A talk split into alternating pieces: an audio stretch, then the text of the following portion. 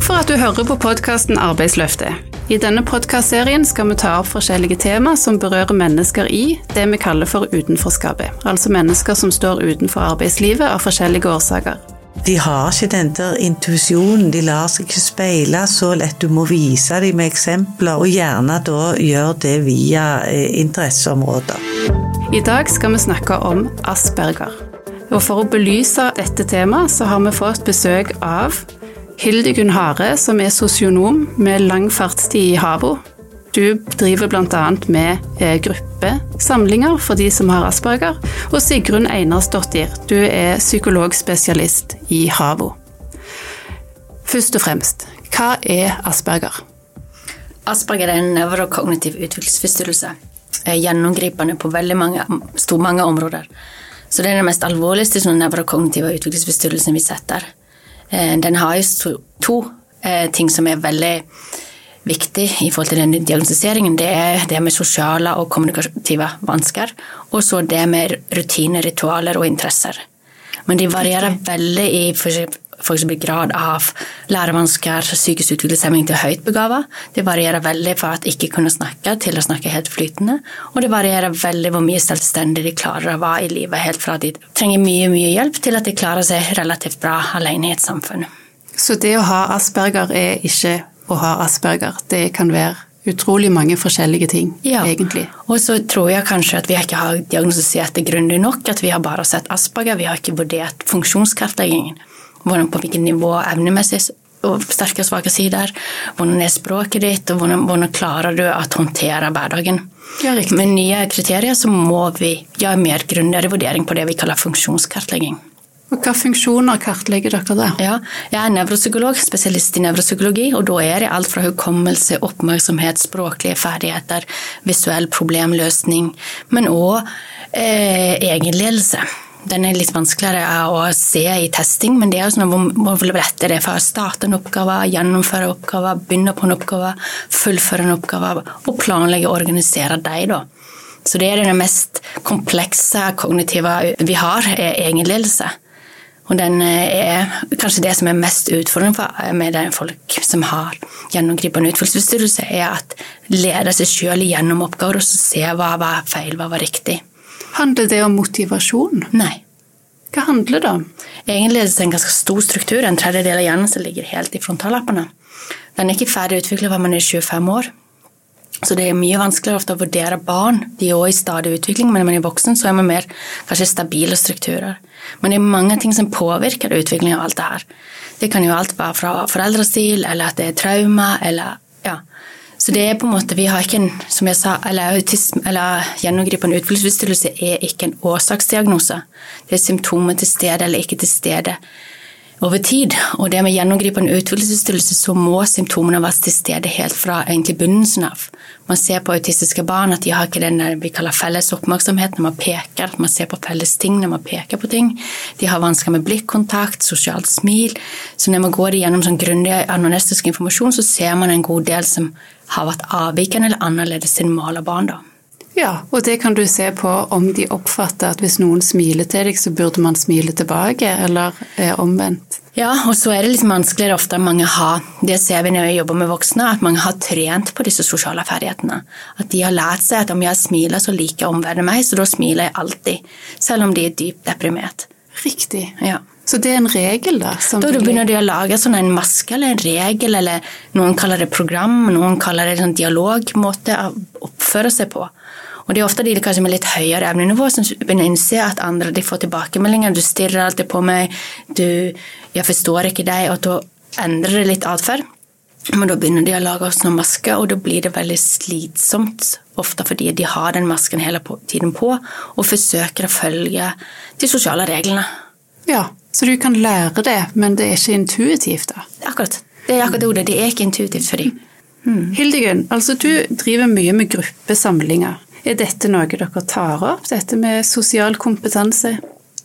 Ja, du kan si eh, det som eh, de gruppetilbudene som vi har da, det har vi jo kalt for psykoedukasjon. Edukasjon? Nei, psykoedukasjon ja. har vi kalt det for eh, i gruppe. Og det, psykoedukasjon er et veldig sånn teit navn på lære om seg sjøl og sin tilstand.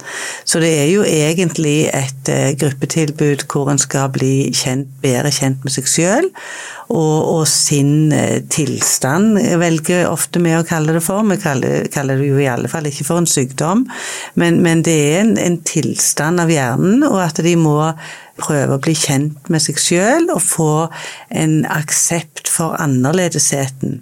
For jeg opplever vel, veldig ofte at eh, folk ikke liker sin Asperger-diagnose og, og får litt sånn tilleggsutfordringer da i forhold til manglende selvtillit, og de har gjerne opplevd masse forskjellige ting, eh, misforståelser i skolen, blitt utestengt pga. at de har vært litt sånn rare i forhold til hvordan de har kommunisert, eller at de har vært litt sånn sære.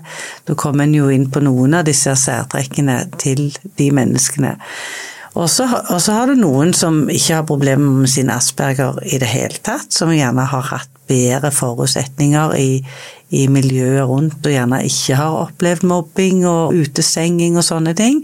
Men de kan da bli minst like eh, vanskelige å skal jeg kalle det håndtere det, eller så en sånn gryende innsikt, for de kan mene at det er bare deres verden og deres oppfattelse som er den riktige. Og, og, vi skal ikke snakke om riktig eller galt, men det er nå engang sånn at vi lever i den verden vi lever. Og det blir noe av vår jobb da som gruppeleder å si det. Eh, det er ikke hvordan du har det, men hvordan du tar det. Du må gjerne tilpasse deg da for å få det litt bedre i livet. For vi lever etter våre normer, enten du liker det eller ei, kunne en jo være frista til å si av og til. Og da er det jo mange som sier ja, men vi ville at alle andre skulle tilpasse seg, men sånn vet vi jo at verden ikke er. Dessverre for ja. mange, ja. Absolutt. Mm. Så de er litt rigide, noen, i at eh, deres verdensbilde er det rette. Ja, jeg syns jo ofte at de er rigide, og at de må be om en forklaring på ja, men hvorfor er det sånn, og hvorfor kan ikke alle andre tilpasse seg? Hvorfor må dere drive med small talk når det ikke gir noen mening? Hvorfor skal du gå på butikken f.eks. og si til en som går og handler 'Å ja, hei, du er på butikken du òg', ja. og så har du det liksom gående. Og det maker jo ikke sens for de i det hele tatt. Altså, det, vi ser jo at du er på butikken. Ja, og det gir jo ikke mening mening å stille det spørsmålet når det er så åpenbart. Nei. Nei. Så, det, mm. så, det, er et sosialt spill som de ikke har lyst til å ta del i, gjerne, mm. eller ikke forstår poenget med. Ja, og, og nå representerer jo du, eller har fokus på det at de skal lykkes i arbeid. Ja. Eh, har du en leder da, som En vet jo ofte det at det, der er variasjon i, i, type ledere, men jeg ble ta som et eksempel at ja, men dere må jo tenke at sjefen har alltid rett. Det er jo en sånn en uskreven regel som veldig mange av oss lever etter. Og så er det jo ikke sånn at sjefen alltid har rett, men det er da de kan si at sjefen har jo gjerne aldri rett. Og det går i alle fall ikke an å gå med på det hvis eh, det ikke er beviselig, for å si det sånn. Så, så de der åpne og skjulte reglene går vi nøye gjennom, altså. Det, det Har du stor suksess med det? At hvis at du forklarer at sånn har det seg, sjefen har alltid rett, klarer de da å forstå at det er spillereglene på arbeidsplassen? Ikke sånn uten videre. Eh, og det er vel der en gjerne ser at eh, kvinnelige aspergere kan ha en større suksess i å tilpasse seg mange ting. Men du kan si det det skapes, det går som på bekostning av hva de egentlig syns er riktig. At det skaper et enormt stress på innsiden. Ja, okay. Og det er ikke bra over tid. Så det er bra å møte de litt på stresset deres. For ellers så kan du komme til å få en sånn overbelastning. For det er ikke så enkelt for de å si ja ja, putt putt, så var det sånn, liksom. Og, og så får jeg bare godta det her og nå. Det... Henger de ved det? Altså Hvis de går på akkord med seg sjøl og det som er riktig, er det da sånn at de, at de sliter med å slippe det? Sånn stress. og det er det som er rigiditeten. De kommer tilbake til det, at de blir ikke ferdig Og de er ofte lojale, rettferdige, vil følge regler. Men det er alt i alt, men vi er mennesker, og vi følger ikke alltid regler. Litt som Hildegunn var inne på. Det er masse uskyldte eller skjulte regler og andre regler som står på papirene. Mm. Så det er vanskelig for de at ofte blir ferdig med en konflikt eller ferdig med sånne interne ja, konflikter inni seg sjøl. At de syns ikke det er rettferdig, at de mener at det, de har riktig. Så det å være da veldig eh, Har du en Asperger-tilstand, så liker du jo forutsigbarhet. De aller fleste gjør det. Og da har en person sagt at ja, jeg kommer klokka åtte, eller du skal møte klokka åtte, så er det på streken. Og da er det jo lite forståelse for at noen tar seg ti minutter kaffe fra åtte til ti over åtte. Hva er da vitsen med å komme klokka åtte? Det kan i hvert fall være ett eksempel. Ja, nei, Da kan det fort bli krøll. Da kan det bli krøll, ja. ja. Mm. Riktig. Det er det akkurat det, de liker ikke endringer. Nei. Og det er den, en bit av den rigiditeten nå. at det, de kan være alt fra at de liker det at de skal sitte på samme plass når de kommer til oss til utredning, at der vi bytter rom, så liker de ikke det. Det kan være rigiditet at de alltid kommer til samme tema. Rigiditet at de alltid vil fullføre det de snakker med, for den andre at de liker ikke å bytte den før du er ferdig med det temaet du holder på med. Mm. Så i en arbeidsplass kan disse med rigiditeten bli et stort utfordring. Mm. En stor utfordring. Er dette gjennomgående? Ja, det er det som er gjennomgående utviklingsforstyrrelse. At ja. jeg har den, enten at de er veldig opptatt av rutiner eller ritualer eller interessene sine. da. Så hvis vi tenker jobb for disse, så er det en fordel å ha en arbeidsplass som kan tilby omtrent de samme oppgavene, gjerne på samme plass, med de samme menneskene rundt seg, at de vet hva de går til hver eneste dag. Ja, og så enkelt som om du sier klokken åtte, så er det åtte. Ja. De, de, kan bruke veldig mye til de har avtalt et møte, og de skal være hver uke klokken åtte til halv ni. Og så om ikke vedkommende stiller opp, så kan de bli veldig lei seg. Jeg er ikke viktig, det er fordi møtet blir ikke holdt. Ok. Ja. Mm. Så det å, å, holde avtalene er veldig viktig. Ja. ja. Hvor mange er det som blir eh, diagnostisert? Har vi tall på det? Ja, Vi har det i hvert fall for barn og unge i forhold til Norge, og det er stor forskjell mellom fylkene. Eh, Rogaland ligger på nest høyeste snittet, på 1,2 mens eh, andre fylker kan ligge så langt som 0,4% Da er det på autisme, på en måte. Og det er store forskjeller. Ja. Internasjonalt så er det, regner det med fra 0,5 til 1 som skal ha autisme. eller det gjennom, Nå snakker jeg om gjennomgripende utfallsforstyrrelse i alt fra mild til moderat til alvorlig. For nå er vi i gang med å endre eh, det nye sånn, Når vi diagnostiserer, så følger man sånne maler hva er det for symptomer som skal være til stede eller ikke til stede over tid? Og, det er pga. at dette ikke er en årsaksdiagnose. Og da heter disse, I USA heter det DSM-5, men her i Europa heter det ICD-10, og den skal snart endre seg opp til ICD-11. Så det er jo i gang med å tenke på at dette med gjennomgripende utfyllsforstyrrelse er mild til moderat til alvorlige symptomer. Og det henger litt med hvor mye hjelp du trenger i et samfunn. Har du alvorlig gjennomgripende utfyllsforstyrrelse, så har du ofte alvorlige lærevansker. Dyp til moderat psykisk utviklingshemming, du har ofte epilepsi, du har ofte kanskje en genetisk feil som at man finner årsaken. Og de med mild er kanskje med litt bedre evnenivå og har mindre av somatiske plager. Men så de med lett gjennomgripende de er ofte det som blir kalt for asperger. Da. Men at de har evnenivå innen normalområdet, men at har nok mye større psykisk lidelsestrykk fordi de er så nærme å knekke koden. Hvordan skal jeg oppføre meg her? Så de forstår at de klarer ikke å lese den helt? Ja. Men de ser at de av og til får det til, og av og til ikke. Og da øker det vi kaller sekundærvanskene, lidelsestrykket, angsten, depresjonen, stresset. Og det kan ofte, og det ser vi, at det blir så mye stress i vårt komplekse samfunn at de blir får psykosesymptomer.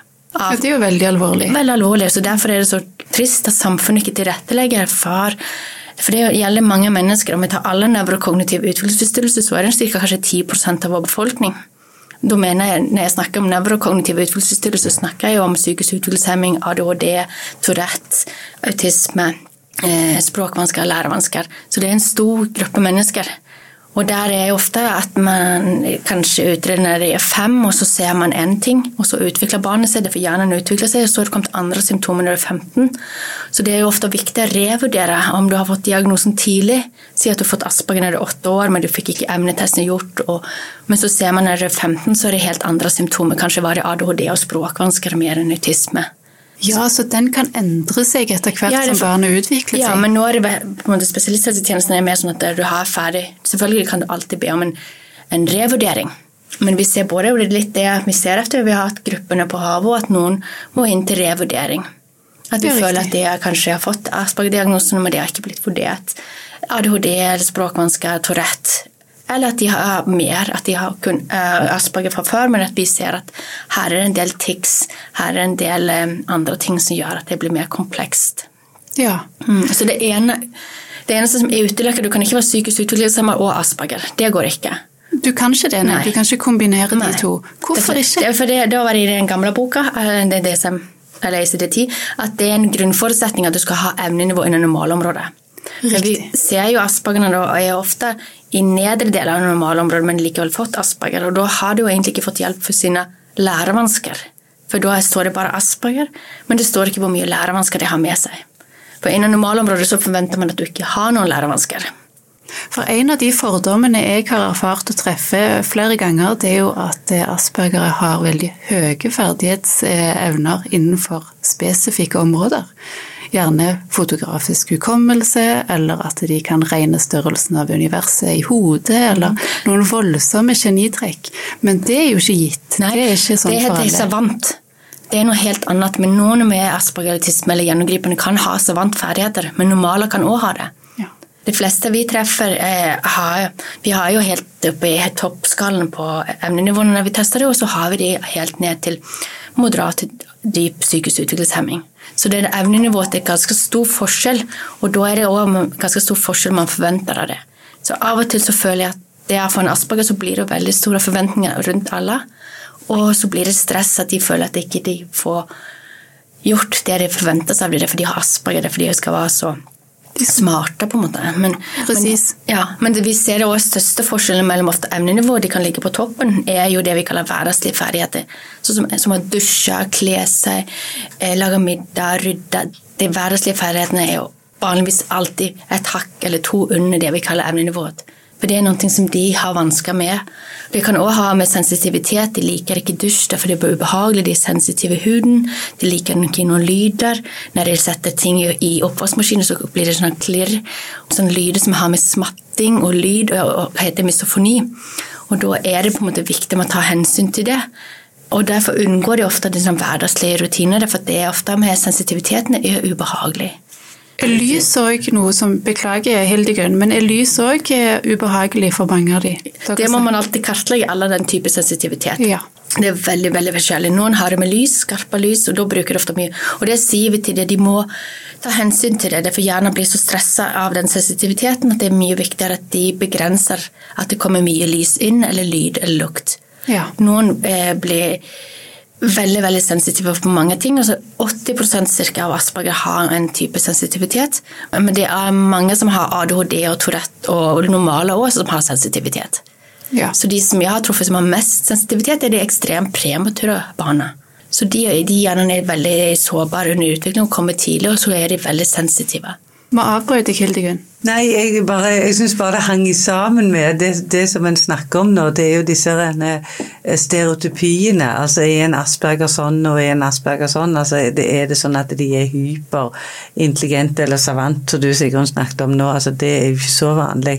Og, og det er jo det jeg syns er veldig viktig med en sånn podkast som dette, at en får fram eh, mangfoldet blant Eh, aspergerne. For jeg syns jo mange ganger at eh, ja, vi andre mennesker kan være veldig forskjellige, men min erfaring gjennom gruppene da, alle de jeg har møtt der, er jo at har du møtt én asperger, så har du møtt én. Og de er jo mer forskjellige enn det vanlige, eh, vanlige folk, hvis vi kan snakke om vanlige folk, da.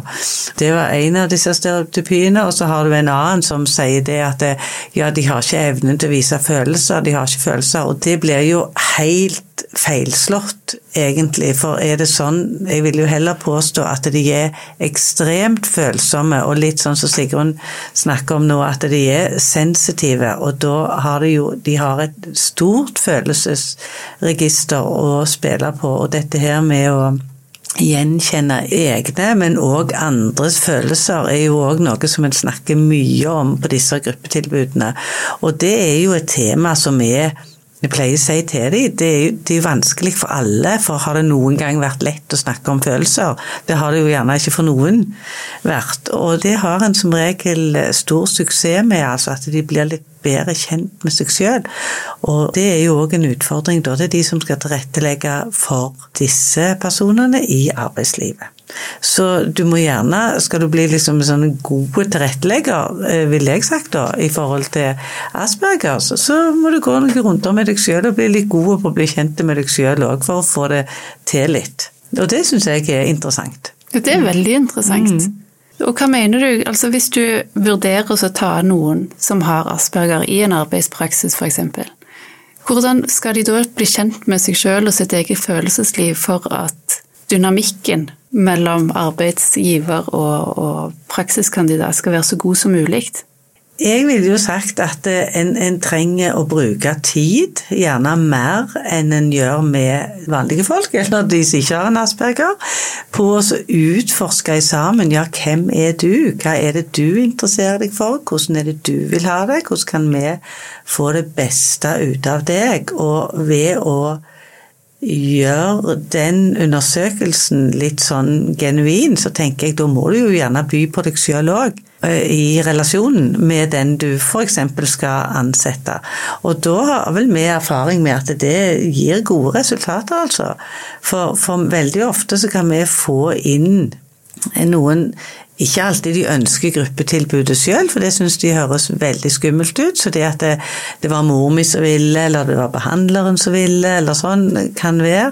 Og, og i en henvisning til oss da, så kan det ofte stå at det, det, det, er vanskelig med kommunikasjonen. Vi får ikke til noen ting. De er ikke samtale, eller hva de sier. de er ikke de kan ikke motta terapi, for du kommer ikke i gang med samtalen. Det er ofte en sånn en årsak til at de blir avslått. Eh, hvis de gjerne trenger samtaleterapi eller behandling. Og det syns jeg er så feilslått. Det er bare det du må bruke, virkelig legge deg i selen for å så invitere deg inn i deres verden. For det er en annerledes måte å tenke på. Det er ingenting som er gitt. De har ikke den der intuisjonen, de lar seg ikke speile så lett. Du må vise dem med eksempler, og, du må, og gjerne da gjøre det via eh, interesseområder. Ja. Ikke alle har særinteresse, men noen har jo veldig flotte særinteresse, og det er ofte der kanskje de kan få blomstre. Det er der de får på en måte vise all sin kunnskap, sine ferdigheter, og at det, det er lettest å komme i kontakt med dem, på en måte. For der er jo det, de plutselig eksperten, og de vet mye om temaet. Da går de gjerne all in i et tema fordi de blir så interessert i. Mm. Men alle oss vi har jo det misforståelse at, at du, du, kan si at jeg har sært interesseområder, jeg liker hjernenål, men eftersom det er funksjonelt for meg, jeg kan bruke det i jobb, og at jeg lærer til å forstå og lage mening i det. En særinteresse er ikke ofte bare faktabasert, at jeg samler inn alle tidtabellene på en ting, og så er jeg fornøyd at det er på plass, men at det blir ikke funksjonelt, eller at du bruker det til å forstå eller få det meningsfullt. Så særinteresse er en liten annen enn vanlig hobby for folk. Vi hadde nok ikke vært her i dag uten at vi har den variasjonen vi har. Og det at folk kan utdype seg og sette seg ned og lære så mye om temaet, det må vi takke for de som har disse trekkene, eller har fått den diagnosen. Altså Vi som driver med tilrettelegging i arbeidslivet og får ut alle mulige mennesker i ordinært arbeidsliv, eh, da er kanskje det en viktig del av kartleggingsprosessen. Kartlegge hva er særinteressene dine? Hva er det som motiverer deg? Absolutt. Når har du lyst til å gå på jobb og synes at det er veldig spennende? Jeg tror det, men òg sensitiviteten. Vi har hatt dessverre litt skarpt lys inne hos oss på Havo i en periode. og Bare det man sier 'skal jeg skru av lyset', ja, ja, ja, ja. At det demper stresset veldig. Jeg tenker på hva er det fysiske omgivelsene som jeg kan gjøre for at den vedkommende skal føle seg ok her. For de bruker ofte veldig mye energi på å komme på møtet, men om det er skarpt lys og klokka som sier tikk-takk, og at det er akkurat vaska med sterke parfymer, så er det veldig ubehagelig for ofte de å være med på de møtene. Så det å tilrettelegge, og sånn som Hildegunn og meg har snakket om tidligere, at det er en tilrettelegging som skal være som et rammeverk gjennom hele ansettelsesforholdet. Det er ikke noe som en, en begynner med i starten, det er en tilrettelegging som varer yrkeslivet ut. Det endrer seg ikke. Er det sånn at man burde kommunisere mer direkte med de som har asperger. Altså at du burde tenke at beskjedene skal gis uten for mye støy rundt at det skal kommuniseres rett frem Ja, jeg, jeg, kan jo tenke meg at det å være direkte og konkret i tilbakemeldingene er viktig, men like viktig er gjerne timing. At du kjenner rutinen til vedkommende. En kan si at det er mange som liker forutsigbarhet og skal vite hva som skal skje, men på en annen side så kan den forutsigbarheten òg føre til et stress og da må en jo ha en timing på altså Hvis den personen blir veldig stressa av å vite at jeg skal i møte med sjefen klokka tre, så fører det til at alt som skjer før klokka tre, påvirker gjerne både arbeidskapasitet og alt for det at en gruer seg. Det var bare et eksempel, men, men si at det er en ting du gruer deg til da. Du må tilpasse deg hva, hva tid ting skal skje. For, for, når vi diskuterer det der med forutsigbarhet i gruppene, så er det mange som sier 'Å, jeg gruer meg i hjel, for jeg vet jeg skal sånn og sånn'. Mens noen noen sier de må vite det. Så, det. så det, er, ja, det er viktig med individuelt fokus, tenker jeg. Igjen store forskjeller. Vi mm, kan ikke presse de inn i én form. Nei. Men kanskje tenke litt enkelt år. Hva er pluss med at du har den arbeidstiden, hva er minus? Vær litt åpen og nysgjerrig. Hva er pluss og minus med at du må spise lunsj? Og det er ofte minusen det er masse lyder der. At de har lov og muligheten å gå når de vil gå. For det er litt sånn at man som arbeidsgiver var litt nysgjerrig, men òg tenke hva er pluss med den strukturen, hva er minus. Fordi Om du tør å gå i den dialogen, så finner du kanskje enkle ting som du kan tilrettelegge som vedkommende får det mye bedre. Det er der forskjell mellom kjønnene her? Det har kanskje vært litt sånn at eh, folk har trodd det er bare menn som har det, men at vi er absolutt kvinner som òg har asperger. De har kanskje ikke fått eh, den utredningen de ønsker som barn, men har ofte vært innom BUP eller under til utredning, men blitt misforstått eller ikke sett til den type som man så klassisk ser. Men når vi diagnostiserer, så følger vi jo selvfølgelig det vi skal følge av symptomer til stede, eller ikke til stede, både for menn og kvinner. Men du må av og til spørre litt annerledes. Var litt sånn, Hvor mye energi har du brukt for å lære deg å bruke gjester? Hvor mye energi har du brukt for at du eh, holder øyekontakt? For de har ofte brukt mange mange timer på å trene seg opp for å være litt mer sosiale. Vi kan også si jeg kan ikke treffe en venninne fra det miljøet og en venninne fra det miljøet, for jeg har to forskjellige sett av regler hvordan man skal få oppføre seg. Så det er akkurat det du sier, det er ikke intuitivt for deg, men de forsøker å lage strategier for å passe inn. Og da går det litt på akkord med seg sjøl, og det blir mye stress. De har kanskje litt mer kanskje sosiale eh, særinteresser, at det kan være makeup eller psykologi eller astrologi, eller, men de ofte utdyper seg mye på de eh, temaene, da.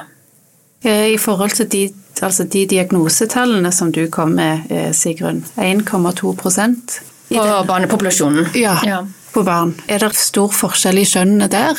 Det er stort sett flere gutter som kommer til utredning for nevrokognitive utviklingsforstyrrelser under tolv år. Og så føler jeg at jentene begynner å komme fra tolv år oppover. Nå har jeg jobbet både på HAVO fra 2003 til 2009, og så har jeg jobba ti år i BUP, og så er jeg tilbake til HAVO. Så nå har jeg både sett barn og voksne. Så jeg føler på en måte jentene blir litt oversett mens de er barn. Og så kommer det etter hvert som ja. de blir eldre. Ja. ja. Og da at de har prøvd å finne strategier, prøvd å finne måter å være på, og så ja, begynner de kanskje en jobb eller en studie, og så kollapser de, og det blir for mye. Ja. Mm. Nå har vi snakket mye om hva asperger er hvordan vi får diagnosen, hva som er fellestrekkene. Og ut ifra det som jeg har tatt ut herfra, så er det veldig få fellestrekk. Det er noen store linjer, kanskje, men det er store, store individuelle forskjeller. Akkurat som i normalbefolkningen for øvrig. Er det noen tips dere kan komme med sånn helt til sist i forhold til hva skal en arbeidsgiver tenke på før de eventuelt tar noen inn som har asperger? Jeg vil i hvert fall si at du må være eh, genuint interesserte og ønsker å gjøre en innsats. For det er ikke lett. Men jeg tenker at du får veldig mye igjen for når du lykkes.